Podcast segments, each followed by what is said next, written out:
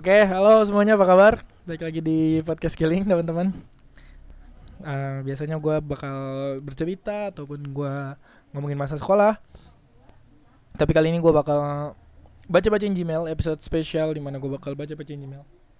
Buat lo semua yang mau kirim-kirim Gmail, bisa kirim ke Gmail gue di killingoceh@gmail.com di Gmail Killing karena setiap sekarang setiap habis episode gue bakal bacain satu Gmail satu cerita. Eh nggak satu sih. Pokoknya uh, sesuai durasinya aja lah. Dan di episode perdana Gmail ini gue bakal bacain kurang lebih 10 sampai 8 atau 10 nanti kita cek kita coba dulu ya. Nanti gue bakal baca bacain uh, cerita ceritanya dan karena ini episode pertama dari pembukaan Gmail maka hari uh, di episode ini khusus untuk baca-bacain Gmail aja gitu. Untuk episode terusnya Gmail bakal gue bacain setelah gue uh, setelah gue apa rekam satu podcast gue bakal bacain Gmail di ada segmen Gmailnya terakhir gitu. Misalnya ada Gmail masa uh, misalnya ada episode masa sekolahku di ujung episode nanti gue bakal ada segmen baca-bacain Gmail kayak gitu. Uh, buat lu semua yang mau kirim Gmail bisa kirim Gmail ke tadi gmail.com dan gue bakal bacain cerita-ceritanya di situ teman-teman jangan lupa ya semuanya oke? Okay? mantap. Jadi uh, pertama langsung aja kita baca-bacain email email salah sebentar sebentar oke lanjut. Sorry tadi gue bisa ada itu. Oh ya uh, sebelum kita masuk ke baca-baca Gmail uh, eh, gue mau ini nanya-nanya gimana sih karantina kalian selama kurang lebih 19 hari di rumah? Itu kan setelah dua eh, apa episode berapa? Episode episode dua episode sebelum ini kalau nggak salah. Gue bikin episode tentang coronavirus dan gue mau uh, waktu itu kan kalau nggak salah yang terindikasi masih seribuan dan sekarang ketika gue uh, rekam podcast ini udah 2000 udah nyentuh 2000 terakhir 2200 kalau nggak salah. 2200 berapa gitu. Nah gue pengen uh, tahu gitu gimana sih kabar-kabar kalian semua. Semoga baik-baik aja ya. Semoga kesehatan selalu ngelilingin kalian dan semoga uh, tetap sehat gitu. Jadi sekarang pemerintah udah bikin Pak Jokowi udah bikin imbauan bahwa siapa pun lu mau lu sakit mau enggak kan setelah kemarin kan cuma yang sakit aja yang pakai masker keluar. Sekarang siapa pun lu kalau lu keluar rumah lu harus pakai masker. Jadi uh, menurut gue yang hal-hal kayak gini berarti udah menandakan bahwa virus ini udah semakin serius gitu. Dan menurut gue ada baiknya ketika ketika lo keluar rumah dalam keadaan terpaksa ya silakan dan gunakan masker dan stay safe gitu. Jadi jangan sampai lu uh, nggak keluar rumah nggak pakai masker. Itu karena itu bahaya banget. Karena kan uh, penyebaran virus corona kan bisa lewat kontak terus bisa lewat uh, batuk gitu juga kan. Dari orang lain yang batuk lu kena terpapar gitu. Dan disarankan menggunakan masker kain. Jadi supaya masker bedah itu yang dipakai sama alat uh, tenaga tenaga kesehatan aja nakes-nakes aja yang pakai jadi kita tuh semua disuruh pakai uh, masker kain gitu. Jadi supaya bisa dicuci juga biar enggak produksinya habis gitu. Dan pemerintah juga udah mulai ngeluarin pret, apa uh, kebijakan kayak soal listrik dibayar setengah adapun listrik yang bayar gratis. Ada juga yang digratis gratisin fasilitas ini itu. Bahkan sekarang uh, eh, PT KAI udah menggunakan jam batas operasional. Jadi lu nggak bisa sembarangan masuk ke KAI. Jadi operasional KAI itu udah ada jam-jamnya gitu kan. Terus juga banyak sih kayak PSBB apa tuh ya berskala besar psikal eh pembatasan sosial berskala besar Jakarta bakal di PSBB-in jadi uh, dibatasi ini Jakarta dan itu merupakan salah satu gerakan pemerintah untuk melawan ini juga dan dan gue lihat di berita ya udah masuk juga beberapa kayak bantuan dari negara asing gitu kan bantuan dari negara asing dan kayak APD alat lindung diri dan itu ya semoga bisa inilah bisa segera meredakan meredakan corona dan semoga cepet-cepet hilang deh supaya kita juga bisa beraktivitas kembali seperti biasa. Karena kan suntuk juga di rumah terus ya kan? Kayak gitu. Oke di episode gue lanjut ya dari episode pertama dibaca-baca Gmail ini gue bakal jadi uh, baca-baca Gmail itu gini loh. Gue baca Gmail Gmail dari kalian yang udah dikirim ke Killing Oce. Gue baca dari paling bawah. Gue baca dari yang ngirim pertama. Tentang entah cerita apa pun cerita cinta kah cerita serem cerita tentang karantina itu it's okay. Gue bakal baca bacain juga. Dan nanti setelah lu lu bisa minta request apa enggak? Apa ketika lo ngirim lu mau disebutin namanya atau enggak nggak apa nanti bisa di request juga kayak gitu nah nanti gue bakal bacain sesuai dengan apa yang lo mau dan gue bakal ngasih saran atau komentar pasti gue kasih komentar ya karena kan gue bacain masa nggak gue kasih komentar gitu. Pasti gue kasih komentar dan setelah gue kasih komentar nanti gue uh, kalau bisa gue kasih saran dan uh, gimana gimana mungkin gue bakal kasih bantu kasih saran. Dan uh, tujuan utamanya itu adalah adanya cerita gitu. Jadi uh, ada ber, ada kesan ceritanya di podcast ini gitu. Jadi uh, lu dibacain untuk diceritakan kisah lu tapi lu mau sebut nama juga nggak apa-apa dan lu nggak mau disebut nama juga nggak apa-apa. Kayak gitu. Itu uh, yang ada di podcast gue yang terbaru ini. Nanti gue bakal improvement juga. Kayak gitu. Oke gue mau bacain aja langsung dari pertama. Uh, ini subjeknya ini cerita dari gue jangan sebut merek. Oke. Jadi dia nggak minta disebutin namanya halo Ling apa kabar semoga lo tetap sehat-sehat aja Ya, kabar gue baik, alhamdulillah. Semoga kesehatan, amin. Jadi Ling, gue mau cerita tentang kisah cinta-cintaan gue, asik. Jadi Ling, gue mau cerita tentang kisah cinta-cintaan gue Ling. Jadi gue sekelas nih, Ling sama cewek. Jadi dia sekelas sama cewek. Nah, pernah Ling lagi di sela-sela pelajaran, gue iseng buat di, gue iseng lihat dia. Jadi kayak dia iseng lihat dia, oke. Okay. Gue liatin tuh dia tulis, terus ngobrol sama teman sebangkunya. Gimana sih lu nulis? Gue liatin tuh dia nulis terus ngobrol sama teman sebangkunya. Ya udahlah posisi gue lagi dapet tugas kan. Jadi gue kerjain lagi tugas gue dulu sampai kelar baru ntar gue lanjut lagi. Oh jadi jadi maksud lu gini ya? Jadi lu lagi ngeliatin dia nih. Lagi ngeliatin dia lagi ngobrol sama teman sebangkunya. Terus lu bilang lu dapet tugas nih ya udah setelah tugas lu kelar gue lanjutin lagi ngeliatin dia gitu kan maksud lu. Lu harus nggak pakai koma sih lu. Oke lanjut. Uh, sampai tugas gue kelar baru ntar gue lanjut lagi ngeliatin dia. Oke nah posisi gue udah kelar nih ling. Gue lanjut lagi ngeliatin dia ling. Eh ternyata nggak lama gue liat dia dia lihat gue juga ling. Anjir berasa di, di kantor attack kan gue ya.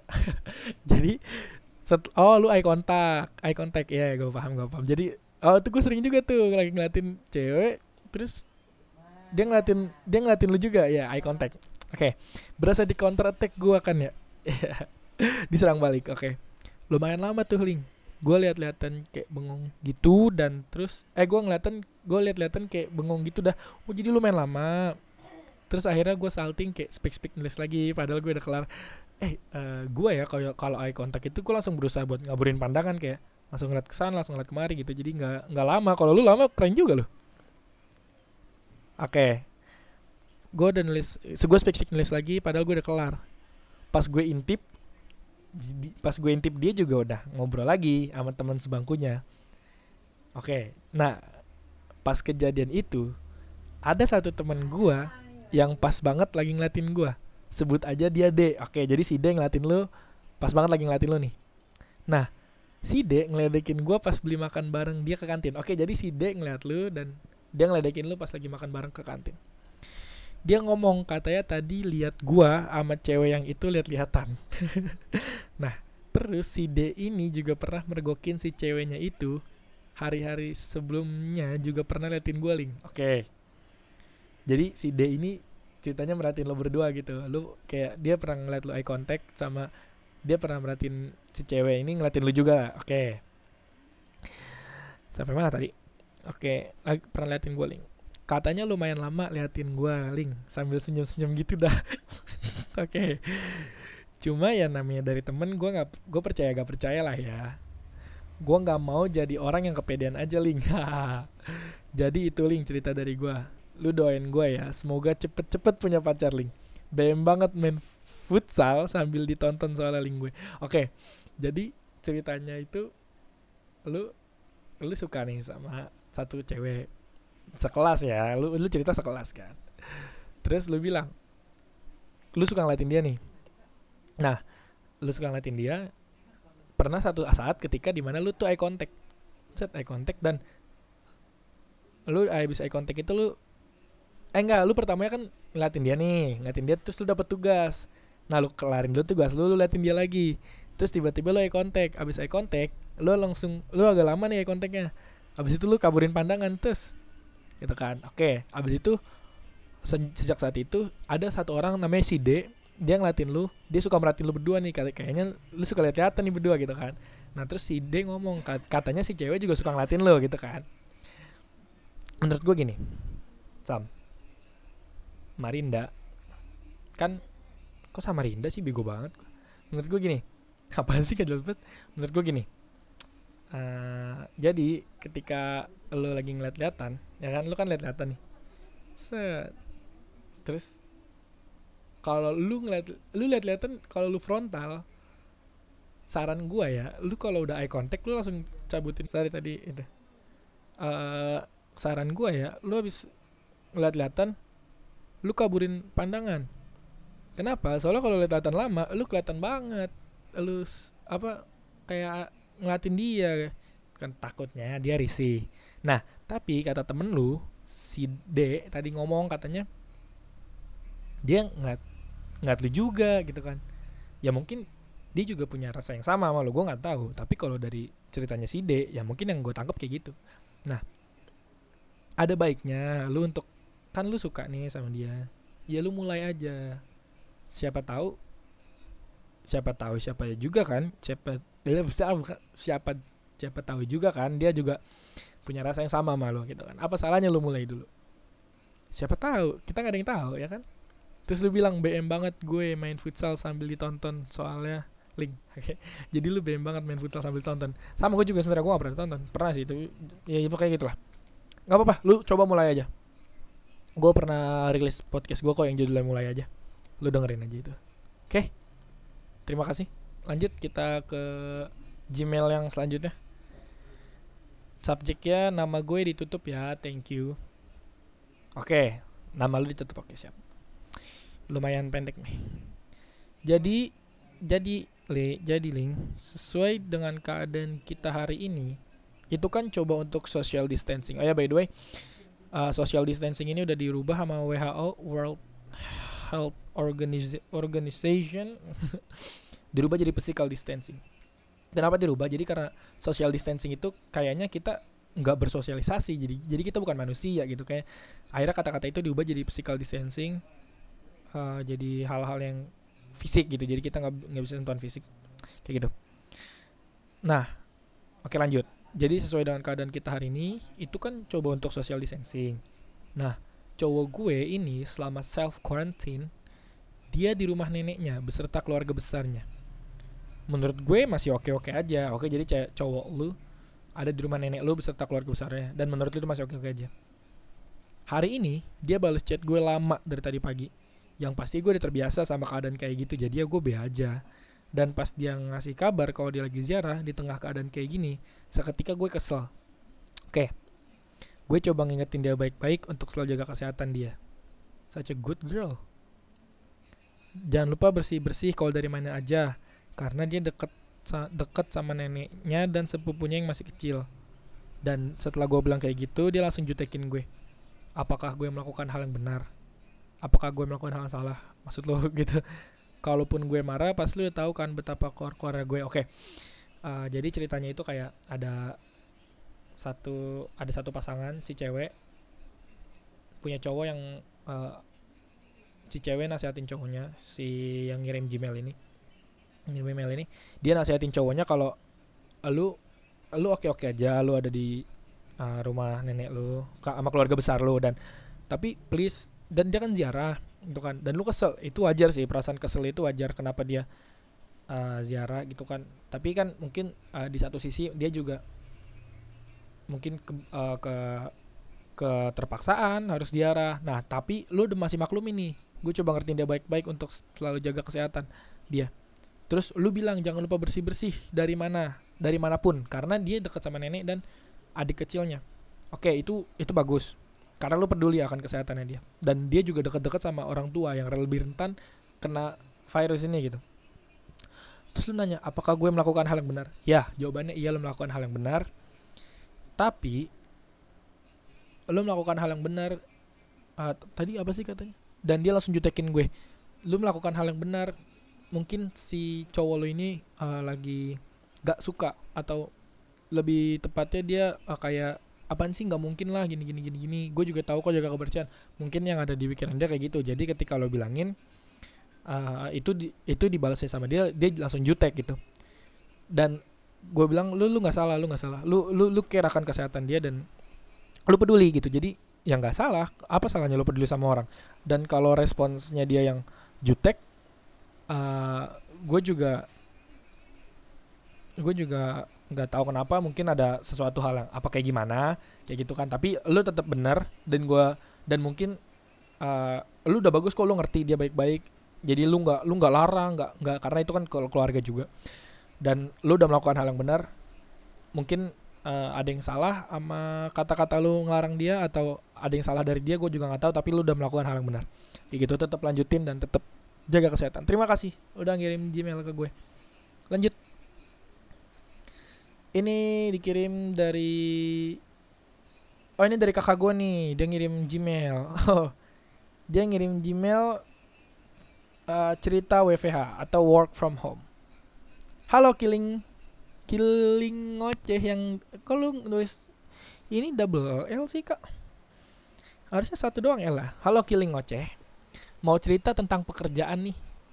Setelah dua minggu lalu dapat bagian work from office akhirnya Senin depan selama dua minggu gantian dapat giliran work from home. Akhirnya bisa hashtag di rumah aja sambil giliran sambil tetap produktif bekerja pastinya. Untuk yang belum bisa work from home karena satu dan lain hal, semangat terus dan tetap jaga jarak fisik dengan orang lain atau physical distancing. Jaga kesehatan dan rajin cuci tangan. Pakai masker jika merasa sakit dan hindari berkerumun. Insya Allah kita bisa melawan corona jika semua patuh terhadap apa yang dilakukan. Yeay! Semoga lebaran kita bisa sholat id bersama-sama ya. Itu ada salah satu Gmail dari kakak gue, Levi Chaniago. Dia ngirim cerita work from home-nya. Jadi setelah dia kemarin seminggu dapat work from office, akhirnya dia dapat giliran untuk selama dua minggu work from home. Jadi dia nitip pesen-pesen untuk tetap physical distancing, physical distancing, lakukan physical distancing dan tetap jaga kesehatan dan rajin cuci tangan. Itu tadi pesan dari Levia, terima kasih telah mengirim Gmail ke podcast Killing Oke. Okay lanjut uh, ke Gmail yang selanjutnya oke okay, uh, eh, ini lanjut dari oh dia ngirim dua nih. Ngirim dua tapi ada tulisannya ada subjeknya. Jangan dibaca namanya. Oke. Okay. ini yang benar. Ya yang tadi jangan. Oke okay, oke okay, dia ngirim dua. Oke okay, berarti yang bawah salah. Okay. halo killing jadi gue anak su oke okay, ini cerita ada masuk. Jadi gue anak swasta gue anak swasta lahir dari lahir sampai SMP. Pas SMA, I step out of my comfort zone dan nyoba masuk negeri. Dulu gue inget banget kalau guru SMP gue selalu bilang banyak kakal-kakal gue yang dapat SMA negeri pada gak betah dan akhirnya pindah sekolah ujung-ujungnya ke swasta lagi. Oke ini agak panjang dan gue bakal bacain sampai akhir.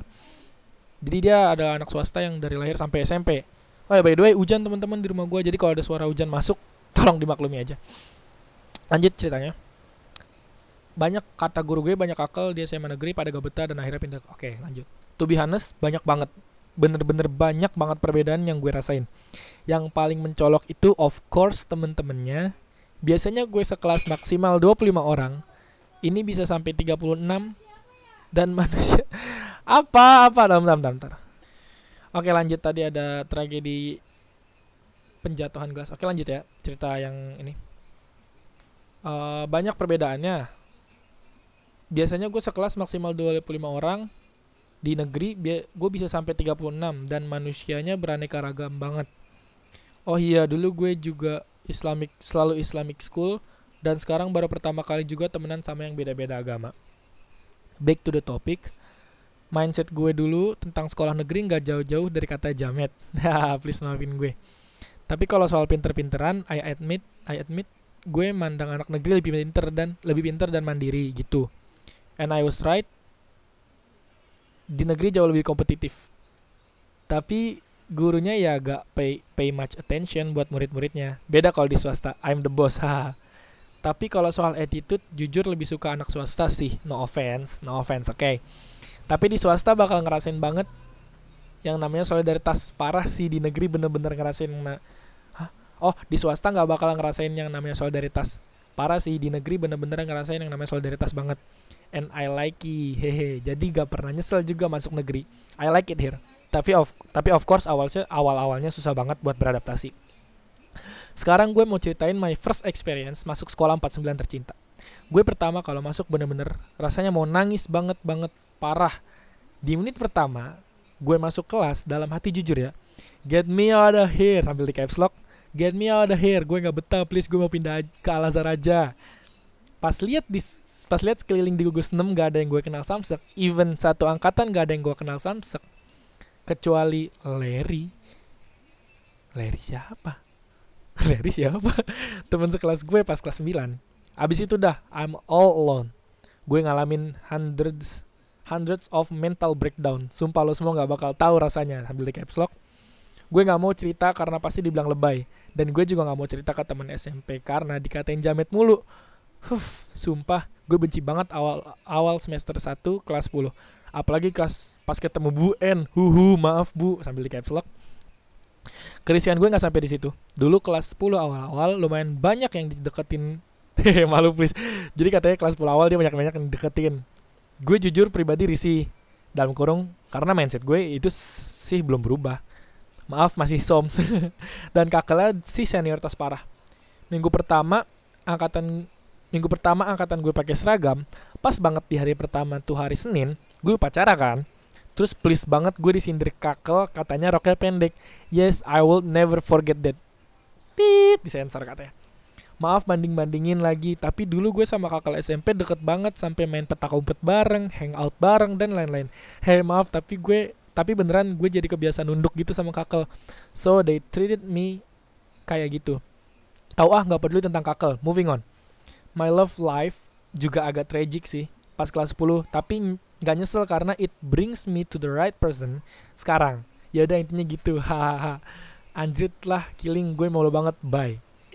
Banyak banget deh ups ups and downs-nya. Tapi sekarang udah so much better. It took a year for me buat beradaptasi gue jauh lebih bi bisa bagi waktu sekarang dan udah tahu dikit-dikit lah how to handle people gitu di kelas 11 ini pokoknya intinya jangan sombong don't judge a book by its cover ya guys karena what you see belum tentu kayak what you think dan jangan ngeluh karena masih banyak banget yang lebih dari sus yang lebih susah dari kita pokoknya intinya gitu deh hehe I learned so much lesson from this amazing experience. Sending lots of love to my best friend and to all Zaggers 2021. You guys are amazing. I love you.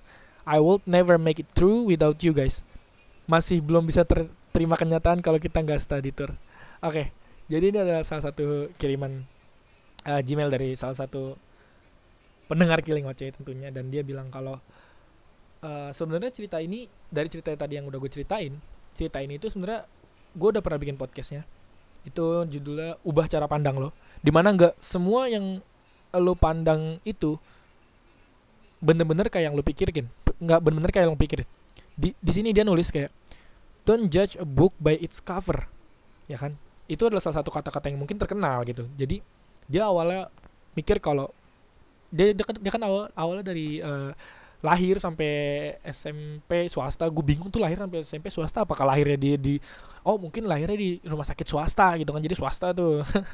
Terus sampai atas atasnya swasta dan dipikir yang ada di pikiran dia itu kata guru-gurunya pun juga swasta itu uh, negeri itu bakal nggak enakin gitu kan.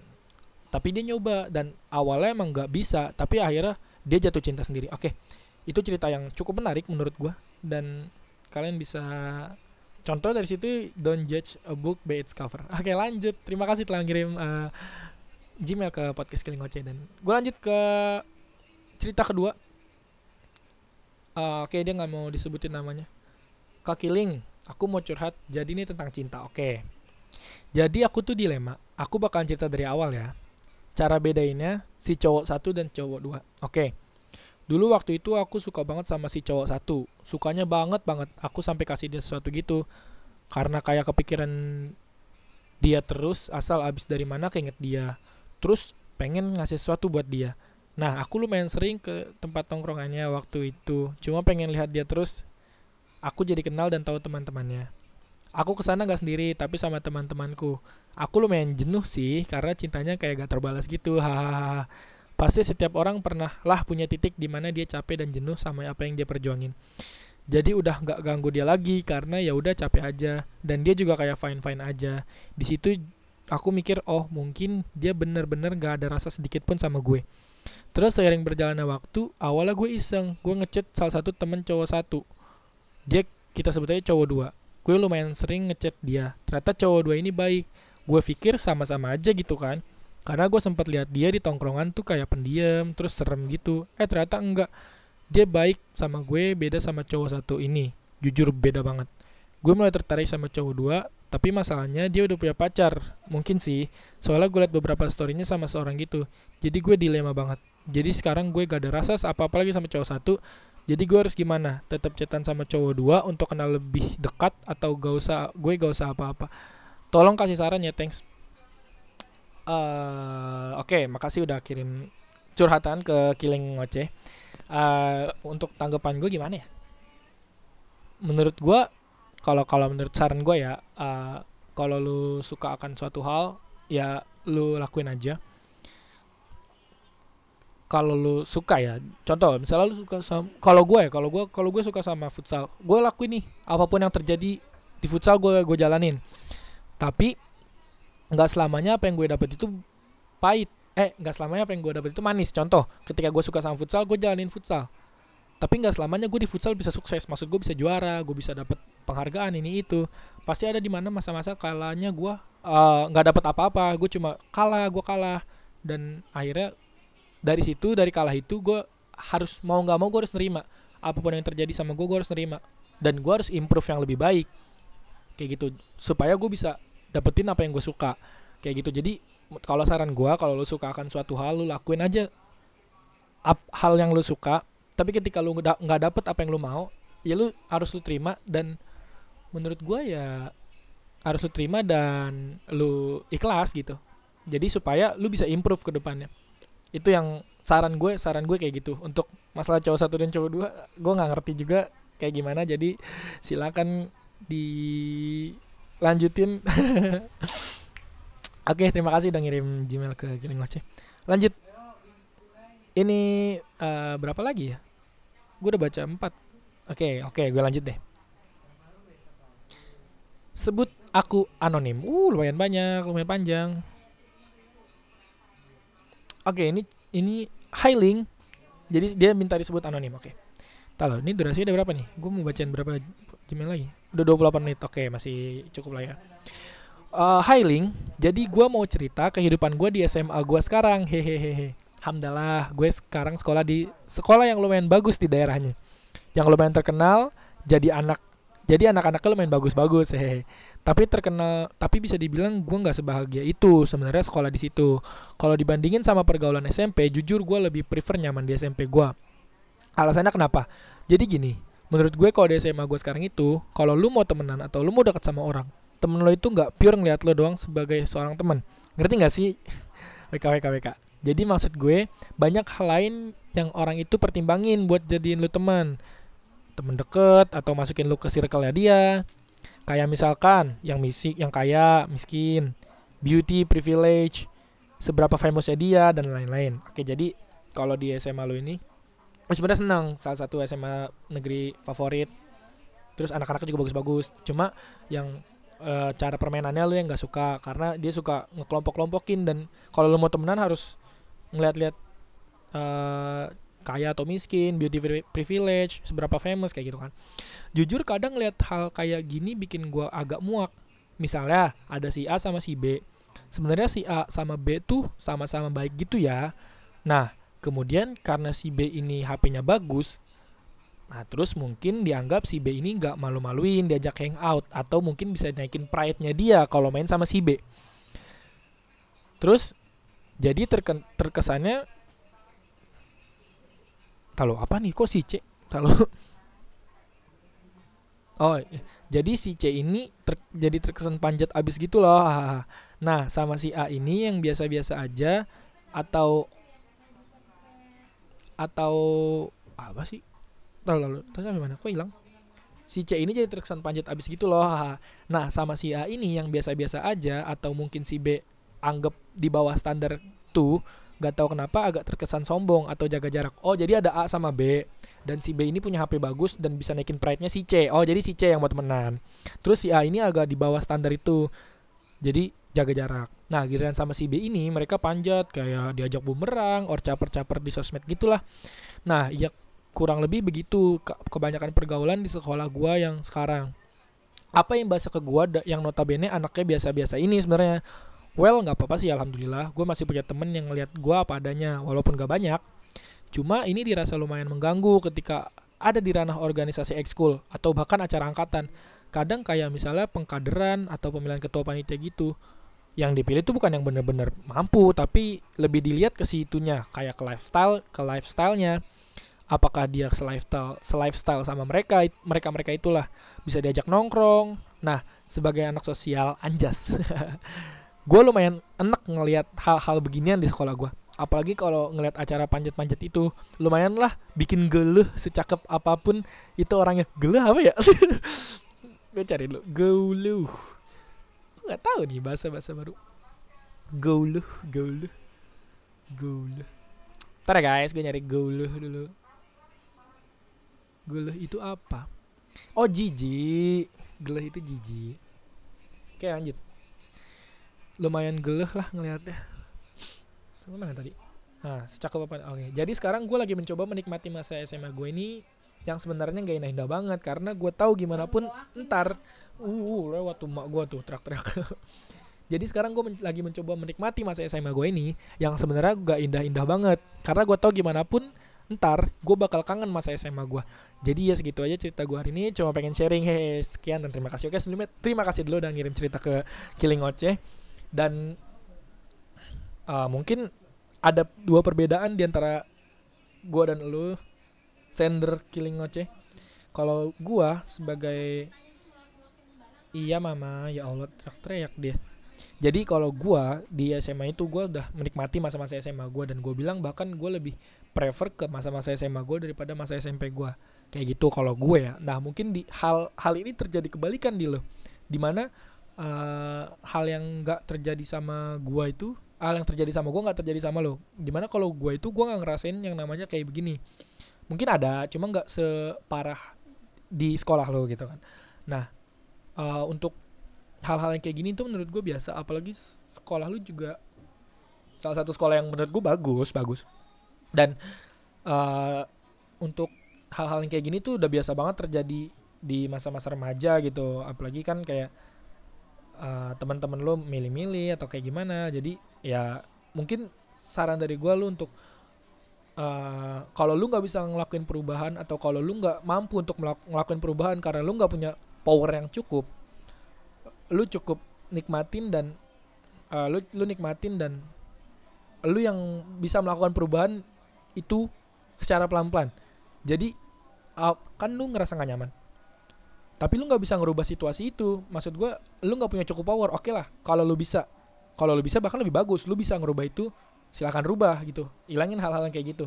Cuma kalau lu nggak cukup power coba lakuin perubahan di mana hal akhirnya itu lu yang nyaman sendiri. Kayak cerita sebelumnya kayak dua cerita sebelumnya tadi. Dia awalnya nggak nyaman sekolah. Apaan sih anjir aneh banget gini-gini. Akhirnya dia cinta sendiri. Mungkin lu harus belajar jatuh cinta sama apa yang ada di sekolah lu dan buang hal yang gak lu cintain dan coba belajar ap, uh, apa aja yang di sekolah lu. Jadi lu bisa cinta sama sekolah lu. Itu saran dari gua dan iya lu benar banget karena masa-masa SMA ini memang bakal dikenang nanti. Kayak gitu. Terima kasih. Udah ngirim Gmail ke killingoceh at gmail.com Oke lanjut. Cerita berikutnya. Sebut inisial aja, jangan full name, oke. Okay. Killing Sumpah, selama adanya pandemi COVID-19 ini Gue jadi stres banget Mungkin bukan cuma gue yang kayak gini Banyak Stres karena apa? Banyak anjir, lu coba aja hal yang gak pernah lu duga selama ini Tiba-tiba menghantam diri lu tanpa memberi tanda apa pun stres banyak tugas lah, stres nggak bisa keluar, stres nggak bisa jalan-jalan, yang biasanya kita jalan jadi kayak batu di rumah. Oke, mungkin semua itu bisa dibilang evolusi dan kita semua nggak bisa nerima hal itu dengan cepat. Oke, itu dari sisi negatif. Sisi positifnya, gue ngerasain banget di sini apa yang gue alamin selama adanya pandemi. Ya, secara nggak langsung gue bisa punya banyak waktu buat ngobrol sama keluarga gue, bisa ngelakuin hal yang selama ini belum pernah gue coba. Dan ya bisa anjir, gue ngerasain banget. Tapi apa daya, ujung-ujungnya gue fokus main HP karena hiburan gue cuma ada di HP. Nge-YouTube, main game lah, dan lain-lain. Gue terhibur di samping tugas yang melimpah. Tapi di lain sisi gue kangen semua temen gue Yeah, I miss all of my friends so bad. Tapi ada satu orang yang benar-benar gue kangenin banget. Gue kangen dia. Bahkan gue mikirin tiap hari dia lagi apa sekarang. Ha, how annoying me. But that's really the worst feeling I've ever had. Please God, I want to meet them secepatnya. Lu mau meet them apa meet him nih? Gue selalu berdoa dengan adanya pandemi ini semuanya hilang dan balik lagi seperti biasa. I really know that our God should give the best to his servant. Yes, it is terakhir gue terakhir dari gue semoga semuanya sehat walafiat bisa ketemu teman lagi dan paling penting semoga wabah ini cepat hilang lagi. Amin amin. Terima kasih telah mengirim cerita lo ke Killing Oce. Uh, bener dari pelajaran yang gue alami adalah dari setiap sesuatu yang gue alamin itu pasti punya sisi positif dan sisi negatif. Oke contoh uh, ketika lo ada di pandemi COVID-19 sisi positif eh sisi negatifnya lu jadi stres tugas lu melimpah stres kerjaan stres ini itu nggak bisa diem aja di rumah. Tapi sisi positifnya banyak. Lu bisa ningkatin produktivitas lu yang biasanya lu nggak bisa produktif akhirnya lu bisa jadi produktif. Terus uh, lu bisa tahu keluarga lu kayak gimana. Dan salah satu hal tersebut gue ngerasain banget di mana gue adalah orang yang uh, sekolah berangkat pagi gue udah kayak orang kerja. Sumpah gue kayak orang kerja. Gue sekolah berangkat pagi terus uh, kalau lagi hari-hari nggak ada futsal gue nongkrong mungkin pulang maghrib atau jam 7 gitu kan. Dan di rumah gue malam rebahan rebahan rebahan tidur. Terus nanti kalau besok ada futsal gue futsal sampai malam. Bahkan dari rabu gue pulang jam 10 ke rumah karena futsal gitu kan. Dan gue ngerasain banget sekarang setelah nggak ada eh setelah aktivitas gue dibatasin gue semua ngelakuin dari rumah. Gue ngerasain banget seluk beluk yang ada di rumah gue di mana gue bisa ngobrol sama adik gue gue bisa ngobrol sama kakak gue gue juga bisa ngobrol sama ibu ayah gue lebih lancar gitu. Jadi banyak banget sebenarnya hal positifnya. Cuma ya emang kayak gitu. Cuma emang ya agak dibatasin aja gitu. Dan itu enak banget sih. Dan lu bilang sini lu kangen banget sama suatu orang dan silakan sampein aja. Karena kalau lu nggak sampein dia nggak bakal tahu kalau lu tuh kangen oke? Okay? oke lanjut. Terima kasih. Lanjut dari sebut saja aku mawar. Hai Assalamualaikum. Gue di caps lock kesel banget sama lo waktu itu kan gue minta podcast tentang galau-galau gitu. Buset dah sampai gue punya cowok baru masih aja nggak dibikinin. Oke okay, the first thing that gue itu waktu itu gue belum seproduktif sekarang. Gue masih sibuk sama futsal. Sekarang gue udah mulai produktif. Ya gitu. Gue keren gak udah bisa lepas dari yang dulu. Oke okay? setelah perjuangan panjang setelah enam bulan meratapi nasib kalau dia sama orang lain gue kira gue nggak bakal move. Ternyata takdir bilang lain. Anjas gue udah berhasil lepas. Yeay emot pesta gitu. Big thanks buat lo yang udah pernah jadi tempat cerita aku. Ternyata saran lo buat lepasin dia dari awal nggak salah tapi maaf gue batu hahaha oke. Okay. be happy buat killing dan sukses terus deh semoga dapat pengganti juga. Eh, nggak uh, tahu harus jaminin apa enggak tapi intinya terima kasih udah doain gue. Semoga sukses juga buat lo.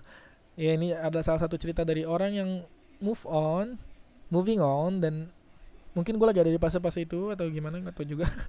Oke terima kasih juga. Sama-sama gue juga seneng ikut seneng kalau kayak gitu. Semoga lu dapat sesuatu yang lebih baik atau lu bisa bahagia lagi. Lanjut. No sebut merek maaf pendek tapi lumayan panjang ya. Oke kita lihat durasinya udah berapa. Oke udah 40 menit nampaknya. Kayaknya untuk cerita lu bakal gue bacain di podcast yang selanjutnya. Dan gue bakal mau tutup podcast lu. Ini karena udah 40 menit gue nggak gue nggak berani bikin podcast sejam karena takutnya nggak ada yang dengerin. Oke gitu aja. Terima kasih semuanya yang udah dengerin podcast gue dari awal sampai akhir. Kalau kalian mau kirim cerita apa pun gue ngebuka banget kalian buat uh, kirim cerita di podcast Killing. Kalian bisa kirim ke killingoce@gmail.com karena di Gmail itu bakal gue bacain nanti uh, tulisan-tulisan dari lo semua. Dan kalau lo mau sebut nama silakan. Dan kalau lo nggak mau sebut nama juga kasih di subjeknya. Nanti gue bakal baca di podcast gue. Jangan lupa buat kalian yang suka sama episode ini adalah episode spesial di mana gue baca-bacain Gmail dan ke depannya gue bakal bacain Gmail itu di setiap akhir-akhir episode gue bakal taruh segmen baca-baca Gmail. Dan baca-baca teris- terinspirasi dari Bang Gilang Baskara. Terima kasih inspirasinya Bang Gilang Baskara. Shoutout buat podcast biar lega. Terima kasih udah menginspirasi gue. Kalau kalian mau denger podcastnya juga bisa silakan. Jangan lupa follow Spotify gue, subscribe YouTube channel Killing Oceh. Jangan lupa follow Instagram Killing Oceh dan follow Instagram pribadi gue juga di @pebreliskan. Jangan lupa follow di Twitternya juga. Oke, akhir kata dan see you bro.